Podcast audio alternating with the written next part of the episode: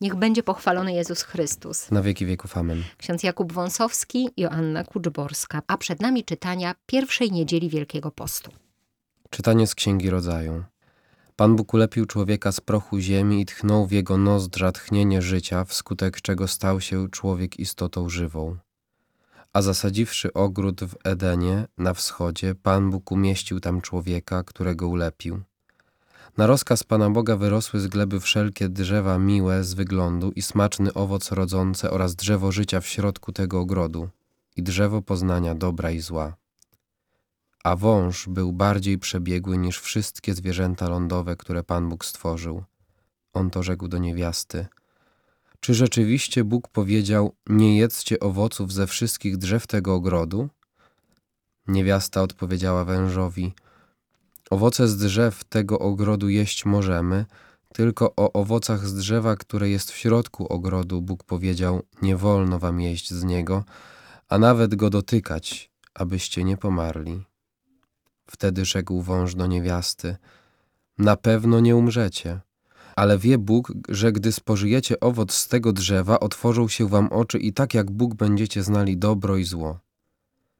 Wtedy niewiasta spostrzegła, że drzewo to ma owoce dobre do jedzenia, że jest ono rozkoszą dla oczu i że owoce tego drzewa nadają się do zdobycia wiedzy. Zerwała zatem z niego owoc, skosztowała i dała swemu mężowi, który był z nią, a on zjadł. A wtedy otworzyły się im obojgu oczy i poznali, że są nadzy. Spletli więc gałązki figowe i zrobili sobie przepaski. Czytanie z listu świętego Pawła apostoła do Rzymian. Bracia, przez jednego człowieka grzech wszedł do świata, a przez grzech śmierć. I w ten sposób śmierć przeszła na wszystkich ludzi, ponieważ wszyscy zgrzeszyli. Jeżeli bowiem przez przestępstwo jednego śmierć zakrólowała z powodu jego jednego, to o ileż bardziej ci, którzy otrzymują obfitość łaski i daru sprawiedliwości, królować będą w życiu z powodu jednego Jezusa Chrystusa. A zatem, jak przestępstwo jednego sprowadziło na wszystkich ludzi wyrok potępiający, tak czyn sprawiedliwy jednego sprowadza na wszystkich ludzi usprawiedliwienie dające życie. Albowiem jak przez nieposłuszeństwo jednego człowieka wszyscy stali się grzesznikami, tak przez posłuszeństwo jednego wszyscy staną się sprawiedliwymi. Słowa Ewangelii według świętego Mateusza.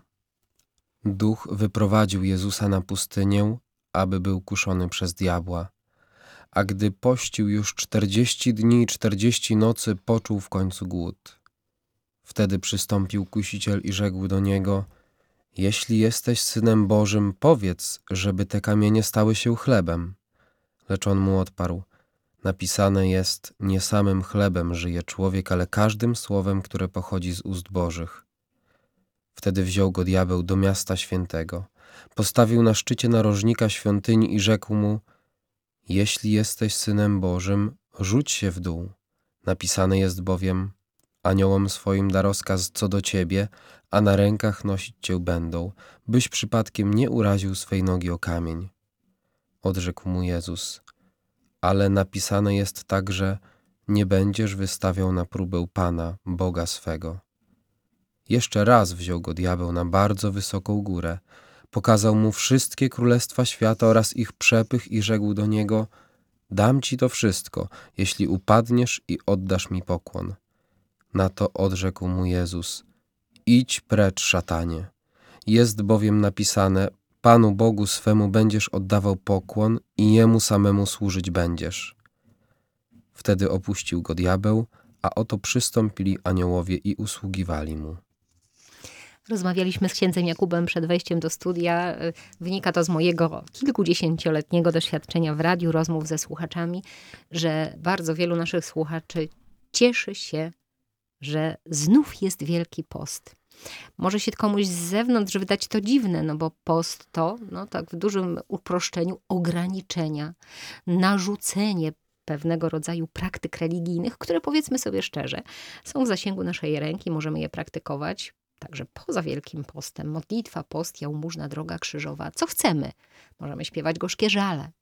A jednak większości z nas w ciągu roku to się nie udaje, więc potrzebujemy niejako z zewnątrz pewnego enter, przynaglenia takiego czasu, e, który chcemy wykorzystać jako chrześcijanie, aby się zatrzymać. Ja myślę, że to właśnie z takiego pośpiechu, obowiązków, myśli, nadmiaru emocji, przeżyć, propozycji świata szeroko rozumianych, e, jesteśmy w takiej gotowości, tacy gotowi do skoku, albo wręcz zawaleni pracą, obowiązkami różnymi. Więc zaciągamy ręczny hamulec i zaczyna się wielki post, który myślę, że w tej radości z jego nastania kryje się świadomość łaski. I to jest myślę, też dobra przestrzeń, żeby jak najlepiej ten święty czas przeżyć. I spójrzmy, zawsze Wielki Post rozpoczyna się w pierwszą niedzielę kuszeniem Pana Jezusa. Czy to jest początek tej drogi, która zaprowadzi go do Jerozolimy na krzyż, a potem będzie zmartwychwstanie? Jeżeli tak chronologicznie popatrzymy, możemy powiedzieć, że nie, że nawet nie jest w Jerozolimie. Te wydarzenia zbawcze jeszcze, jeszcze nie następują. To jest początek publicznej działalności Chrystusa. Ale warto spojrzeć sobie właśnie na tę chronologię, na ten pewien porządek również w naszym życiu, ten początek, który wprowadza nas na ścieżkę zbawienia, na krzyż, a potem zmartwychwstanie.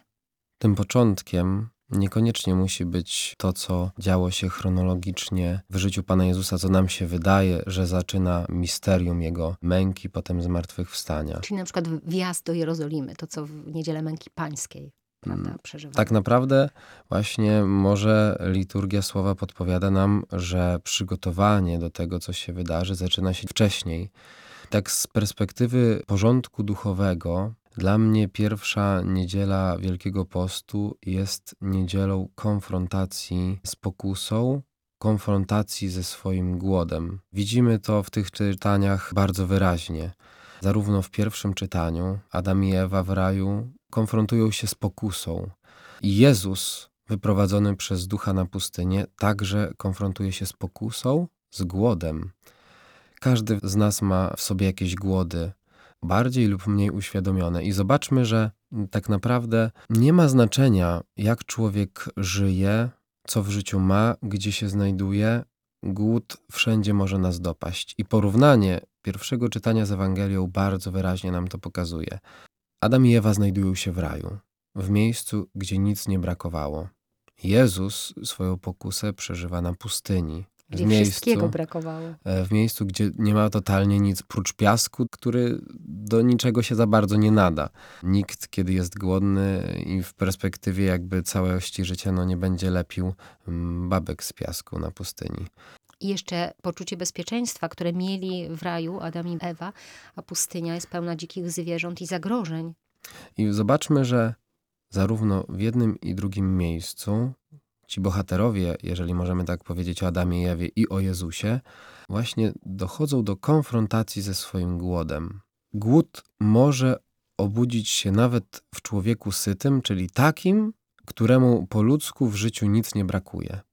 W raju u Adama i Ewy tym bodźcem, który właśnie budzi pewien głód w Adamie i Ewie, pomimo że właśnie byli syci, w tym raju nic nie brakowało, jest wąż. Wąż, który bardzo sprytnie potrafi przedrzeć się do najbardziej takiej niebezpiecznej pokusy, która nam grozi, pokusy pychy. Natomiast Jezus sam, zanim, no właśnie odwołując się do tej chronologii, o której powiedzieliśmy na początku, zanim zacznie się czas próby, bezpośredniej konfrontacji z celem Jego przyjścia na ziemię, z istotą Jego osoby, tego jak ma się dokonać Jego życie tutaj na ziemi, On konfrontuje się ze swoim głodem, żeby potem go nic nie zaskoczyło, żeby był w pewnych podstawowych kwestiach już jakby ukierunkowany.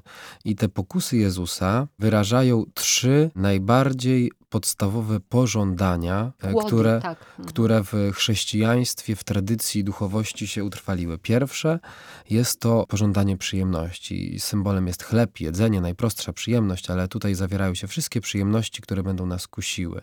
Od jedzenia przez seksualność i inne takie rzeczy, które sprawiają nam przyjemność. Druga jest to pokusa władzy, władzy ziemskiej. No i trzecia pokusa jest to pokusa pychy czyli stanie się kimś więcej niż mogę być, bycia kimś większym niż Bóg. I tu widzimy, że właśnie ta trzecia pokusa dotyczy w raju Adama i Ewy, bo diabeł nie mógł tam się odwołać do pierwszych dwóch. Po pierwsze, Adam i Ewa w raju byli syci, mieli wszelkie przyjemności na wyciągnięcie ręki. Władzy też tam nie trzeba było sprawować, bo nad kim, a właściwie oni mieli władzę, można powiedzieć. Nazywają zwierzęta, ust, ustawiają sobie ogród. Korona stworzenia. Jak, tak. jak chcą. Więc diabeł, znając dokładnie naturę ludzką, odwołuje się do trzeciej pokusy, jaką właśnie może być pycha, żeby się stali jak Bóg, żeby mogli jeszcze więcej. Rozbudza w nich głód, którego nie mieli do tej pory i który normalnie by się w nich nie obudził. Znowu wracając do kwestii tej chronologii, można to odnieść do całego naszego życia. Dziś niestety bardzo często młodzi ludzie wchodzą w różne bardzo poważne misje, można powiedzieć, wchodzą już w to misterium życia, tak jak powiedzielibyśmy o misterium życia Chrystusa, jakby w istotę swojego życia, czyli przyjmują święcenia kapłańskie, wchodzą w małżeństwo, e, albo delikatniej e, podejmują poważne związki, idą na studia, wybierają swoją drogę życiową, nie skonfrontowawszy się wcześniej ze swoimi głodami. E, I myślę, że jest to powodem tak wielu załamań w dzisiejszym świecie, że pojawia się we mnie jakieś pragnienie. Chcę być księdzem, chcę być mężem, żoną, mieć dzieci, chcę być architektem, chcę wieść takie, a nie inne życie, ale nigdy tak naprawdę nie rozmawiałem ze swoimi głodami, nie konfrontowałem się z nimi. Wręcz przeciwnie, mam pewne wyobrażenia, często idealistyczne. I Tego właśnie, oczekuję. I właśnie kiedy wchodzę na tą drogę, tam te głody mnie dopadają. Kiedy jestem zobowiązany wobec kogoś, wobec czegoś na swojej drodze życia, bo mam już poważny wiek na karku, już zostałem księdzem, już zostałem małżonkiem, już zostałem kimś na poważnym stanowisku, wtedy pojawia się kryzys. Wtedy, kiedy wejdzie pewna rutyna, przyjdzie wąż i przypomni nam o naszych głodach, z którymi zawczasu się nie skonfrontowaliśmy, z którymi nie rozegraliśmy pewnej bardzo ważnej potyczki. I Jezus, zauważmy, od tego zaczyna. On, i to widać bardzo właśnie, jak Jezus przewyższa człowieka w tym. Adam i Ewa sobie siedzą w raju, przychodzi do nich diabeł. Natomiast Jezus sam wychodzi na pustynię.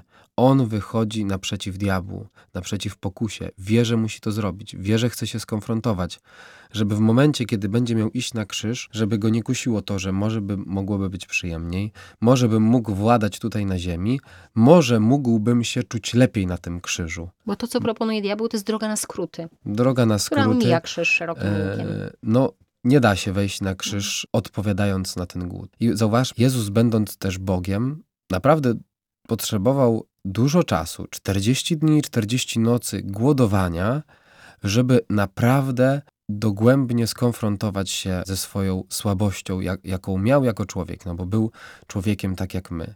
I robi to bardzo konsekwentnie, można powiedzieć do samego dna. Pozwala przeryć się tej pokusie, pozwala, aby to go bardzo głęboko dotknęło, żeby w momencie, kiedy będzie naprawdę słaby, w ogrójcu, żeby miał to przerobione. Myślę, że to jest niesamowicie ważna życiowo lekcja dla każdego człowieka, bez względu na to, ile ma lat, bo naprawdę pokusy dopadają w różnym czasie. Mamy tak zwany kryzys wieku średniego, kiedy diabeł też odwołuje się do pewnego rytmu naszego życia, kiedy ludzie robią bardzo dużo głupot. Może się wydawać, że jak ktoś przeżyje 20 lat w małżeństwie, to już się nic nie stanie mamy rozwody w tak późnym wieku dzisiaj. No dlaczego? No bo po wejściu w pewną rutynę, kiedy już e, przestajemy się sycić jakimiś wrażeniami, kiedy przyjdzie codzienne karmienie się tym, w co wszedłem, to nam przestaje wystarczać. I wtedy diabeł poda nie tylko głód, ale poda także coś, co nas nasyci. On od razu podsunie stół przepełniony takimi smakołykami, które nas skuszą. Przy czym diabeł jest inteligentny.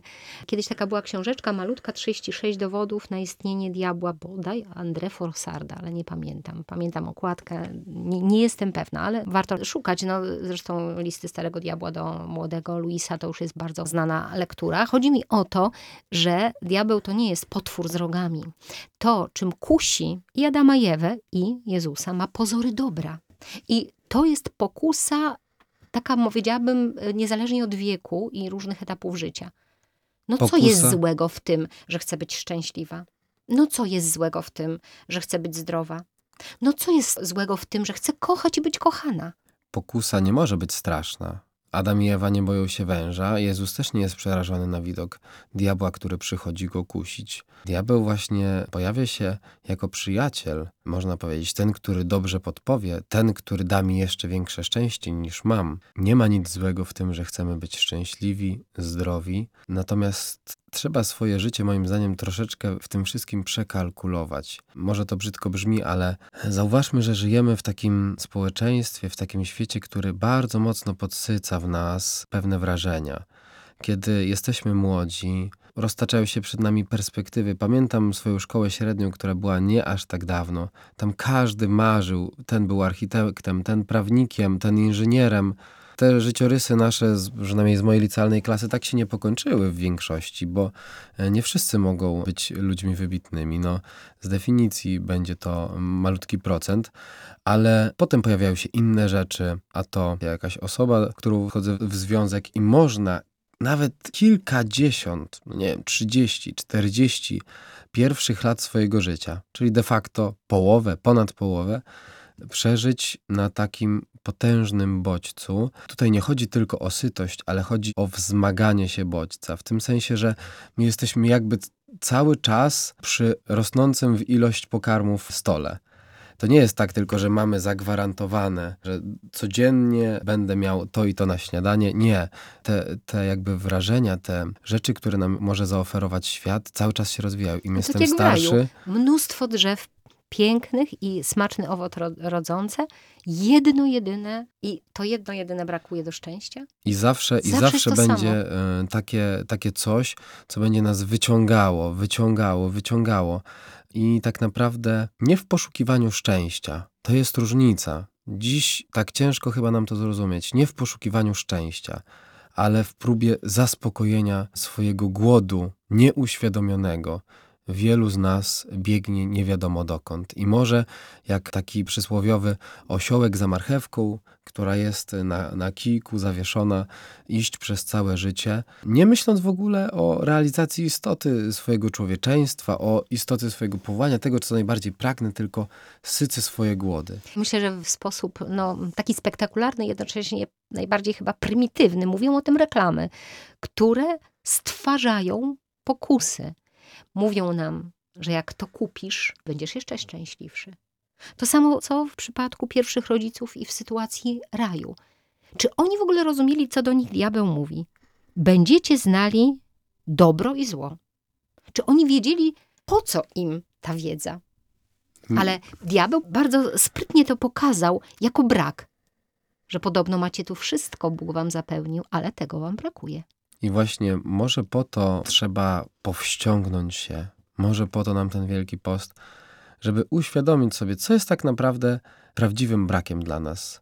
Pamiętam rozmowę moich rodziców w domu, jak ostatnio byłem, jak tato miał iść do pracy, do warsztatu, sam sobie wyznacza rytm tej pracy i mama mówi, nie musisz tam iść. Nam nic nie brakuje, odpocznij sobie. A człowiek jest w takiej gonitwie, pędzi, pędzi, pędzi, bo musi Jeszcze cały czas to, a więcej. odpocznę, pojutrze. E, I właśnie mo, może warto też czasami zadać sobie takie pytanie, czy ja faktycznie muszę i więcej, i więcej, bo to brzmi banalnie, ale może dlatego, że tak brzmi banalnie, tak ciężko nam to zrozumieć, że więcej nie znaczy zawsze lepiej. Ludzie na początku są biedni, mają problem, a potem stają się bogaci też mają problem, bo muszą coś z tymi pieniędzmi zrobić i głowią się, jak je wydać, żyć. a jeszcze jak inflacja przyjdzie, pieniądz straci na wartości, jest jeszcze większym problemem. I można się tak zapętlić. I no właśnie ta mądrość konfrontacji z głodem. Jeszcze jeden taki fakt. Dobre słowo ksiądz użył kalkulacja. Warto co jakiś czas zrobić taki bilans swojego życia, bo za wszystko płacimy. Czasem, zdrowiem, relacjami, nie? Czy to się będzie kalkulować? Ostatnio bardzo mocno konfrontuję się w swoim życiu z takim zdaniem, że jeżeli nie znajdę sposobu na podzielenie się sobą, na danie swojego życia drugiemu człowiekowi, to ono nie będzie nic warte. Zauważmy, nawet w historii, zapamiętani są tylko ci ludzie przez serca ludzkie, którzy potrafili dać siebie drugiemu człowiekowi. Komu go czcimy jako świętych? ale też jako takich świeckich naszych bohaterów. To są ci ludzie, którzy potrafili w jakiś sposób dać swoje życie drugiemu człowiekowi. Natomiast y, ludzie samolubni, egoiści nie są wspominani. Taka kalkulacja, y, faktycznie, ile moje życie w tym w moich dążeniach jest warte. Ludzie, żeby nasycić te swoje głody, często żyją czasami znowu przez kilkadziesiąt lat na kredyt. Tylko jeszcze dom zbudujemy, tylko jeszcze nazbieramy na samochód, a tu nagle już dzieci wylatują i w tym samym momencie kończymy dom i kupujemy super samochód, kiedy nam dzieci wylatują z domu. I, I bez sens. Tak. Czasami naprawdę to dzisiaj nie do pojęcia. Ale wszystko Przyjąć się taką taktykę. od refleksji, od świadomości. Ja ostatnio czytałam biografię Łukasiewicza, wynalazcy lampy naftowej, ale no, głównie z tego jest znany koniec kropka, przedsiębiorca. No ale w związku z tym był człowiekiem niezwykle bogatym i on takie zdanie zapisał, że łatwiej w życiu mądrze biedować, niż mieć pieniądze i nie użyć ich bezsensownie. Łatwiej mądrze biedować w życiu niż mieć pieniądze. To nie chodzi tylko o pieniądze, bo o, o wszystko, co mamy. Zdolności, możliwości w każdej dziedzinie. Takie spojrzenie z góry czasami naprawdę może nam przewartościować, ale to trzeba naprawdę zaciągnąć porządnie ten ręczny, bo tak, jeżeli my spróbujemy tylko tak, a po troszeczku tam zerknę, co się w życiu dzieje, to tego nie zobaczymy. Też Proszę taki obrazek. Ja, no właśnie, ja bym chciała zapytać o konkrety. No, audycja Katolik mhm. w świecie, instrukcja obsługi. Powiedział ksiądz, żeby zaczynać swoje świadome życie bo to nie chodzi tylko o młodych ludzi, którzy dopiero w dorosłość, odpowiedzialność wkraczają, ale to nawrócenie jest możliwe w każdym momencie życia od zmierzenia się z pokusami. Jak to konkretnie mogłoby wyglądać? Przede wszystkim no, trzeba znaleźć czas, trzeba znaleźć tą ciszę, to jest podstawa podstaw. Potem jak ma wyglądać taka modlitwa, która nas do tego doprowadzi? No niech to będzie modlitwa myślna. Czyli trudna modlitwa, kiedy będę musiał przerobić pewien temat, nie tylko przejechać palcem kolejny różaniec, ale zacząć myśleć o tym, jak wygląda moje życie. Ja bym zrobił to tak, że nawet właśnie nie szukać jakiejś pobożnej postawy, tylko gdzieś sobie usiąść nawet i w domu, w miejscu, gdzie się dobrze czuję i zobaczyć, jak ostatnio wyglądały moje dążenia. Za czym ja biegłem ostatnio? Czemu czasu dużo poświęciłam?